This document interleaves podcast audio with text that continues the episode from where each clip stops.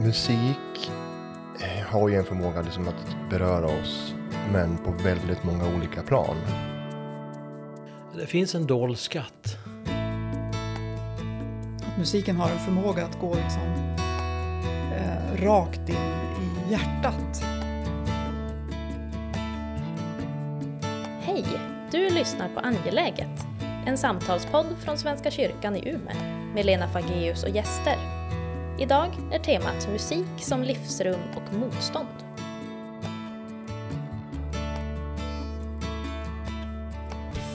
Välkomna tillbaka! Du som lyssnar, Kjell Fageus, Anders Winterstam och jag heter Lena Fageus. Vi är i den andra delen av vår eh, poddserie, samtalsserie om musiken. Och anledningen till att vi det finns ju många anledningar till att tala om musik men det som är verkligen som har knuffat oss till det här samtalet det är att vi står vid tröskeln att göra en kulturfest som har Heliga rum som rubrik. Vi tänder ljuset och börjar vårt samtal.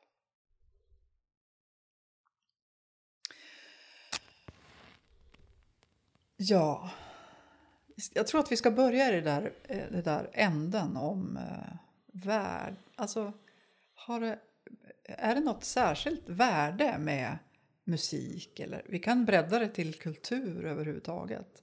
Finns det någon något särskilt angelägenhet i att vi håller på med detta? Varför håller vi på med musik? Ja, men det är ju en fullständig självklarhet det, det finns otroligt mycket musik eh, då. Det finns ju det, den där musiken som man går in i ett varuhus som ska få oss att köpa mer. Eller att vi ska bara bli underhållna ett tag. Eller dansa till med mina barnbarn. Och så finns den där musiken som, som eh, går in och berör oss på ett djupare plan. Och som speglar den här eh, olika saker vi möter i livet med kärlek, sorg, död, förhoppningar, uppgivenhet och hopp. Och eh, det är den musiken som vi framförallt lyfter fram här som har de, så att säga, i alla fall söker sig åt det hållet. Att, att vara liksom som en bild, spegelbild för, för livet. Anders, vad säger du? Oj, jag tänker att eh, musik eh, har ju en förmåga liksom att beröra oss, men på väldigt många olika plan det finns ju det här också, det basala planet, alltså det, det rytmiska. Jag såg någonting om hur barn, små barn reagerar på, på rytm, taktfasthet och hur, hur det är också en del av musiken. Eh, rytm är ju en jätteviktig, en av de grundbeståndsdelarna i, i musik. Ehm, så det finns någonting rent liksom väldigt fysiskt också i hur musik berör oss, eh, med, sina ljudvågor och allting. Ehm, men sen så finns det ju det Kjell pratar om, liksom det existentiella planet också. Hur musik kan, liksom, kan svara upp mot liksom våra frågor och vår, vår liksom, ja, fylla, fylla oss på olika sätt. Och där tänker jag att det viktigaste är liksom att vara på samma våglängd som musiken. Hur man kan vara liksom i diskrepans också. Om man förväntar sig en danskväll och får höra Brahms pianokonsert så då blir det inte bra. Och tvärtom det handlar om, liksom om att kunna vara, vara i nuet och möta musiken liksom i ögonhöjd. Och där tror jag att det, den musik som vi pratar om, alltså det vi pratar om konstmusik eller vad vi, vad vi säger, att det finns någonting, att, att, att man kanske kan vara rädd ibland att möta den ögonen. Man tänker att det här är för komplext, det här är för, för svårt, det här är för fint, det här är så vidare och så vidare. Men att det är också musik som, som liksom finns, eh, som står liksom redo att möta oss där vi är och liksom svara upp mot liksom våra, våra, ehm, våra liksom inre på något sätt behov. Det handlar bara om att, om att själv ställa in sig liksom på, den, på den våglängden. Vart det lite flummigt? Ganska flummigt, men jag ja. tror att jag ändå är med. Ja, men jag tror att, ja, att all, liksom det, det finns ingen musik som är egentligen för enkel eller för svår, utan det handlar om att, att vara liksom i, i, rätt, i rätt sammanhang. Och i men rätt, det som man eh, skulle, ursäkta att jag avbryter, men om jag bara försöker tänka utifrån mina, min värld, eller mig själv. Eh, det innebär att om jag bara lyssnar på en typ av genre eller en typ av, av musik så får jag inte tillgång till hela registret i mig själv. Är det ungefär så man skulle också kunna tänka då om man tänker från andra hållet? Du säger att man måste vara mottaglig på ett så här, öppna sig för den där musiken. Det finns en dold skatt. Alltså som man kan upptäcka i musiken men också som relaterar in, inombords. Att det finns, det finns någonting att upptäcka där som man kanske inte sett och hört. Mm.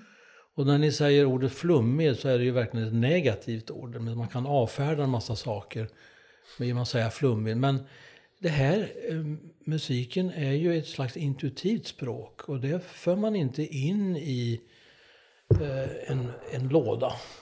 Utan det är ofta så att eh, man, någon som är väldigt berörd av en livssituation, du säger men jag har inte ord för det här, jag, tårarna kanske bara kommer. Och där kan musiken till exempel vara en, en spegel för precis att sätta eh, en, känslor och beskriva på något sätt vad som rör sig inombords, även om man inte hittar orden för det. Och det, det där intuitiva det är eh, så viktigt att vårda det. Inte som en flummighet utan som en oerhört viktig del. Jag har varit inom forskarvärlden ett tag och det hördes mycket om evidensbaserade saker som var, var det enda som var giltigt. Så jag skrev en, en dialog en gång där jag också då beskrev det här. Men där en säger, men är du verkligen ute att vi ska göra evidensbaserade konserter? Det blir fullständigt absurt. Nej, utan som musiker så jobbar vi med allt det här som finns i form och färdighet och kunskap.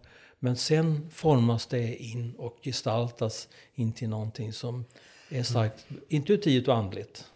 Mm.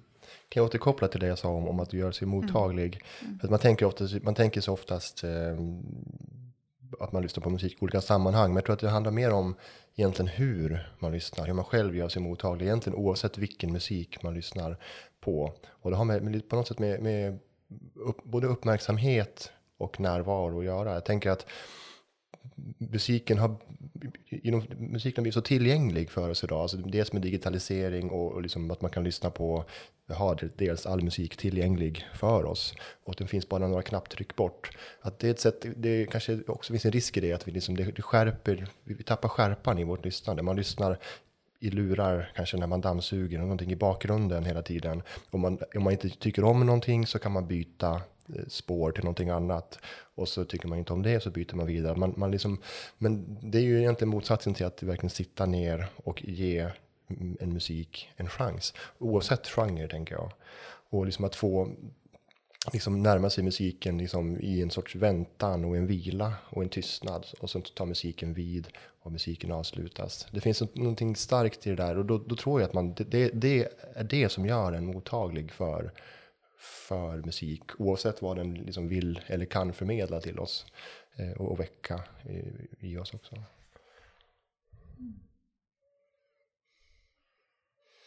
Och det finns ju en relation också till det här med att säga att vissa musik kan vara komplicerad. För det är ju också, livet är komplicerat. Men så finns det till exempel en konsert vi gör på under kulturfesten så är det Arvo Pärts musik. Så är det på något sätt min upplevelse i alla fall att han, han har skalat bort en massa onödigheter och kommer ner till någon slags essens eh, av enkelhet som inte är förenkling men enkelt och ändå bevarar någon slags djup känsla av förståelse av livet och ger någon slags helande känsla till den som, som lyssnar. Man får vara i det här en slags eh, tonspråk som, som helar och värmer och eh, ja, man blir stärkt när man går därifrån.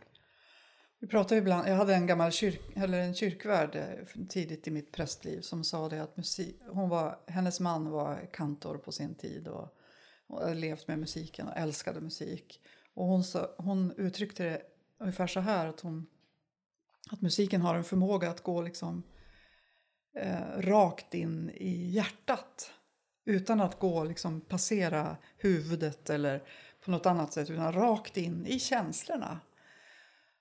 Och jag kan ibland tänka, vi har pratat om det också, att det finns känslor som, som man vill undvika. Jag har, jag har under, under en lång tid av mitt liv också arbetat med personer som har gjort svåra förluster.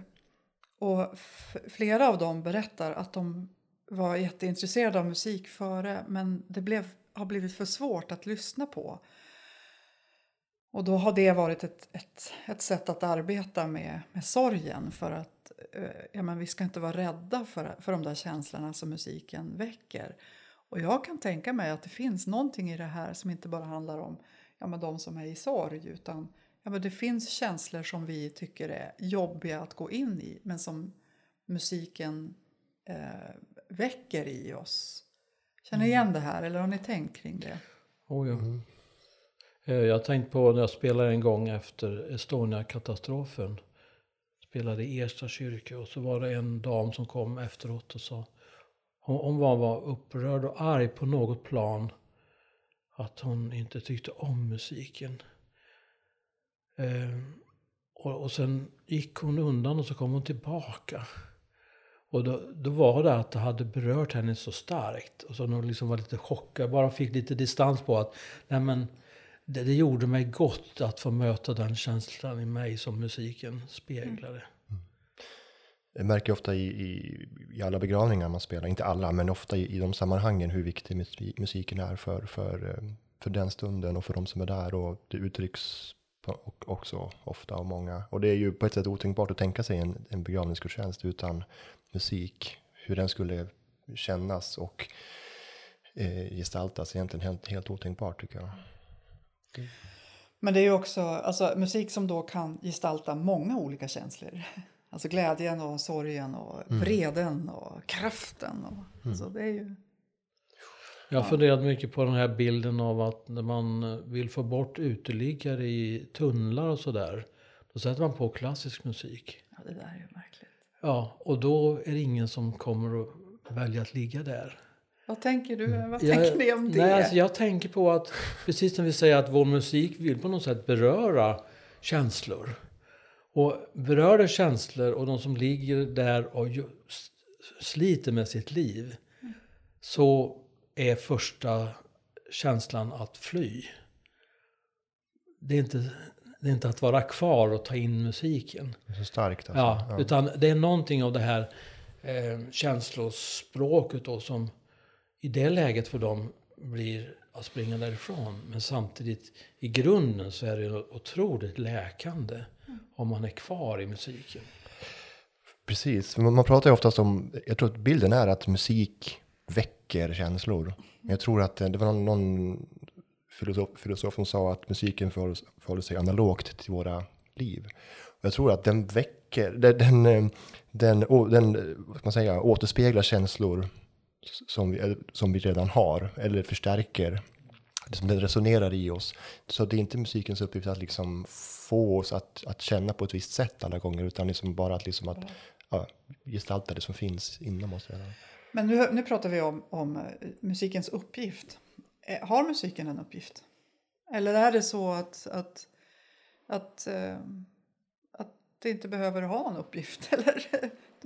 Anders, du pratade om det förut, att, äh, ja, men, att det är som ett konstverk. Det behöver det... inte ha något liksom, särskilt Nej men på, på, ett sätt, så, det, även här, så det, allting har ju så många olika lager. Men jag tänker också att man måste respektera så alltså kompositionen och verket som någonting självständigt.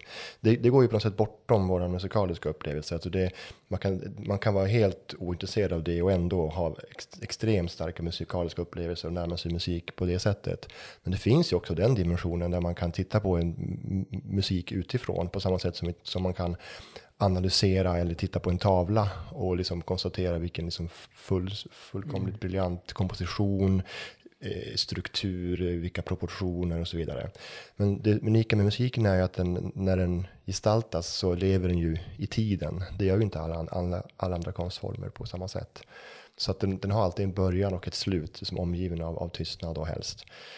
Um, och eh, så det är ju på något sätt en, en levande konstform. Det går aldrig, liksom, man återskapar den gång på gång, men den kan aldrig få exakt samma form som tidigare. Det finns något väldigt fascinerande i det också, att även om jag, om jag spelar ett och samma stycke hundra gånger så kommer det bli, kommer aldrig kunna bli exakt samma gestaltning. Dels för att jag är en annorlunda person, men också för att det, det inte går att, att återskapa, utan det, det har ett eget, ett eget liv på ett sätt. Då väcker du en, väcker du en minnesbild eh, från en konsert jag hade i Konserthuset i Stockholm. Och där jag skulle spela ett stycke där kompositören satt ute i publiken. Och jag hade verkligen övat och kunde det stycket bra. Och då kom han efteråt och sa att det här var väldigt, väldigt bra. Så här har jag aldrig kunnat föreställa mig det. och, och då är det det där att man ska på något sätt försöka leva sig in vad kompositören har menat med det här och samtidigt då ge sin egen gestaltning. Mm. Så det är en utmaning. Men att, att det finns det, det där att eh, noterna inte blir som en regel utan det blir eh, som ett språk eller en dialekt eller någonting som mm. några säger kaffe och någon säger kaffe. ja, precis. Som, ja. som smålänning så kämpar jag, eller jag är road av västerbottniska ja. varianter av, av språken. Ja. Ja, men man, man pratar ju om musikalisk gestaltning och det blir ofta som bara som ett tomt ord. Men det är just det du beskriver, alltså att man, man ger form till någonting som inte har en form. Man gestaltar någonting som finns och då man använder sin fantasi, men man använder också som tonsättarens fantasi och någonstans i mötet mm. mellan dem så blir liksom ta stycket form. Alltså det, det, är så fascinerande. Jag har lyssnat på väldigt många organister och kantorer under mitt liv. Men plötsligt när vi gjorde den här dagen, när vi övade oss igenom ganska mycket av musiken, så, så började jag tänka, men står det någonting i, i noten om vilka, hur ni ska registrera? Och så frågade jag Lisa, en av musikerna här i Umeå, om hur det var. Är det så? Nej, det är ju en del av gestaltningen, eller hur? Absolut. Så det kan ju bli oerhört olika utifrån vad ni gör med orgeln. Ja, men visst, man färglägger på ett sätt ja. utifrån eget. Eh, ibland kan det vara mer precisa instruktioner från en tonsättare, ibland är det ingenting. Det står bara mm. ungefär hur stark tonen ska vara kanske. Så får man använda det unika instrument som man är vid då och, och så otroligt mycket frihet hitta. att också vara konstnär själv. Där. Väldigt mycket, ja. ja. Otroligt spännande. Ett stycke vi ska överföra onsdagen den första juni. Då i noterna så står det, i min stämma då, eh, det är enkla noter men det står ynkligt men vackert. Så nu måste jag på något sätt, vad menas med det? Ja. Och då lyssna in, ja hur ska jag spela det? Och sen nästa ställe, det har underskriften um, Comfort from Earth Savior. Och då står det på ett ställe att eh, spela som en tjatig kärring. och börjar med någon slags eh, reflekterande hållning och sen blir mer och mer upprört. Så att eh, det är ett samspel här mellan vad kompositörerna ger av initiativ och sen hur man själv då tolkar det. Eh, och sen, ja, sen blir det naturligtvis också, det finns ju inga färdiga svar på hur det ska tas emot. För sitter det hundra i publiken så, så ja, finns det ingen färdig mall hur man ska ta emot det. Utan all, alla... Alla som hör, lyssnar är också på ett sätt konstnärer. Det skapas någonting i, alla högsta, i allra högsta grad. Ja, det är fascinerande. Ja, det blir aldrig färdigt. Det blir ju... Det man spelar det nästa dag så är det ett annat, en annan upplevelse, både för de som spelar och för de som lyssnar. Och det skapas ju också i stunden av de som lyssnar. Alltså de som, de som spelar har ju ett samspel också med de som lyssnar. Så det, det är väldigt fascinerande hur mm. det, det är aldrig statiskt. Mm. Det lever. Har vi, pratat, har vi pratat färdigt om det där med... För vi, alltså det är någonting med eh, Mozart-effekter och eh, att musiken ska ha någon slags funktion. Och, alltså allt från att jaga bort folk som ligger i tunnelbanan till att, eh, bli, att man ska bli helad och frisk. Men vet, är det något mer att säga om det där? Att det är nog i sig eller är det en, ja. Vad vill ni egentligen med när ni, vad, vad vill ni? Vill ni åstadkomma något eller vill ni bara vara i nuet? Eller vad? Ja, det där är en del av en konstnärlig fråga. Därför att, eh, det är inte precis som man säljer en vara så här, nu får du det här och så kan du vet, jag, jag erbjuder mer någonting. Jag ställer mig i tjänst för någonting som jag själv då tror på är väldigt viktigt i vårt mänskliga utbyte. Eh, så att den där frågan om musikens syfte eh, blir ofta svårt att svara på. Jag drar mig lite undan utan mer säger det olika genrer, olika typer av musik har olika funktion skulle man kunna säga. Eh, och vi vet hur helande det är, hur glädjefullt det är när man får, får lyssna på musik som, som talar till en. Så att eh, när jag har mött ungdomar som studerar musik så är det, man, de är ofta inne på då hur man ska prestera och göra sina stycken rättvisa på något sätt. Men de är, vi flyttar fokus lite till, var, men varför är vi musiker i samhället? Vad tillför vi till samhället?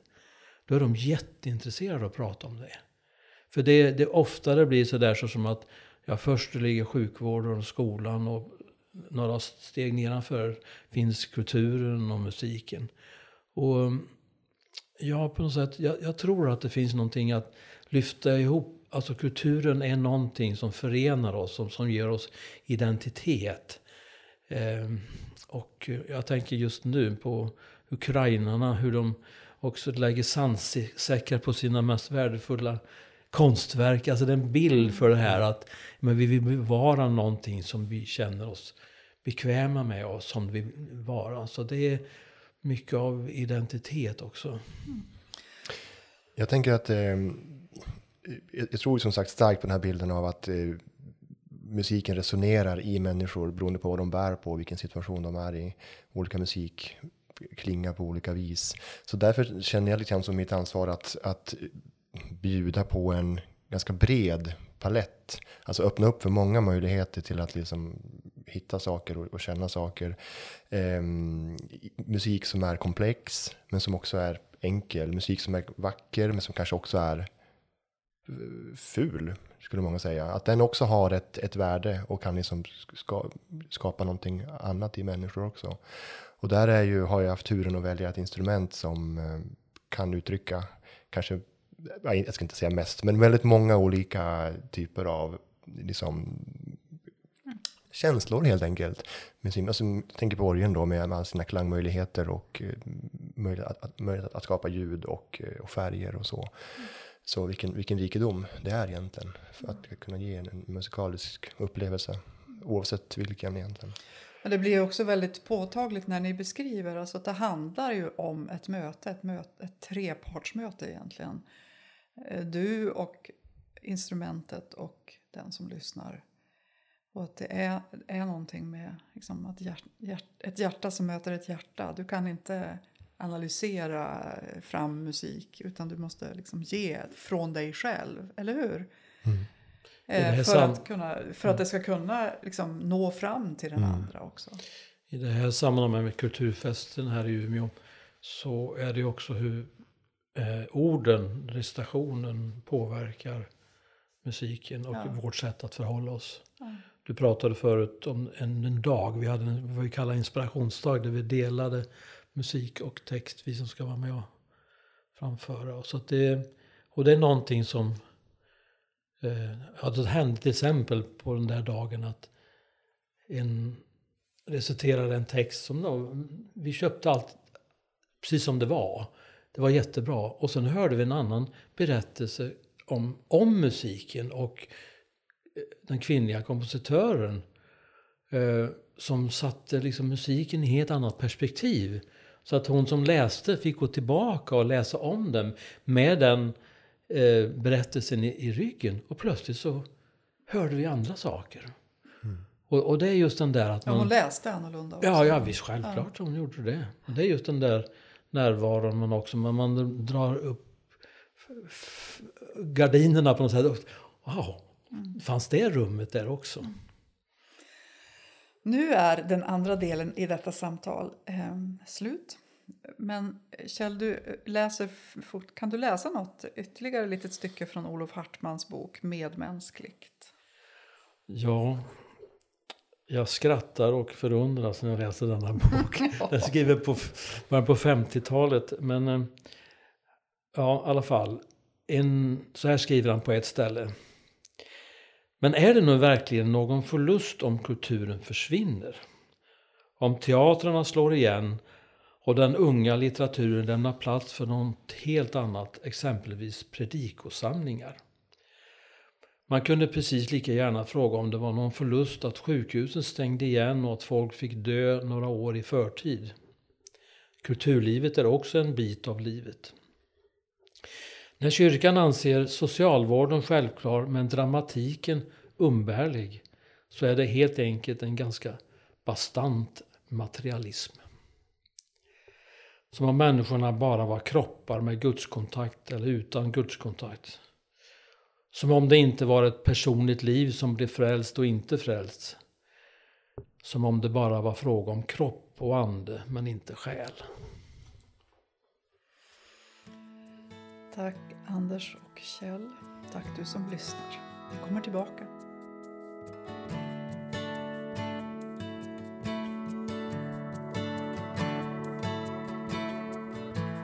Du har hört Angeläget, en podd med Lena Fageus och gäster. Podden är producerad av Svenska kyrkan i Umeå. Vill du fortsätta samtalet når du oss på Svenska kyrkan i Umeås Facebook eller via mail till umea.kommunikation.svenskakyrkan.se. Tack för att du lyssnat.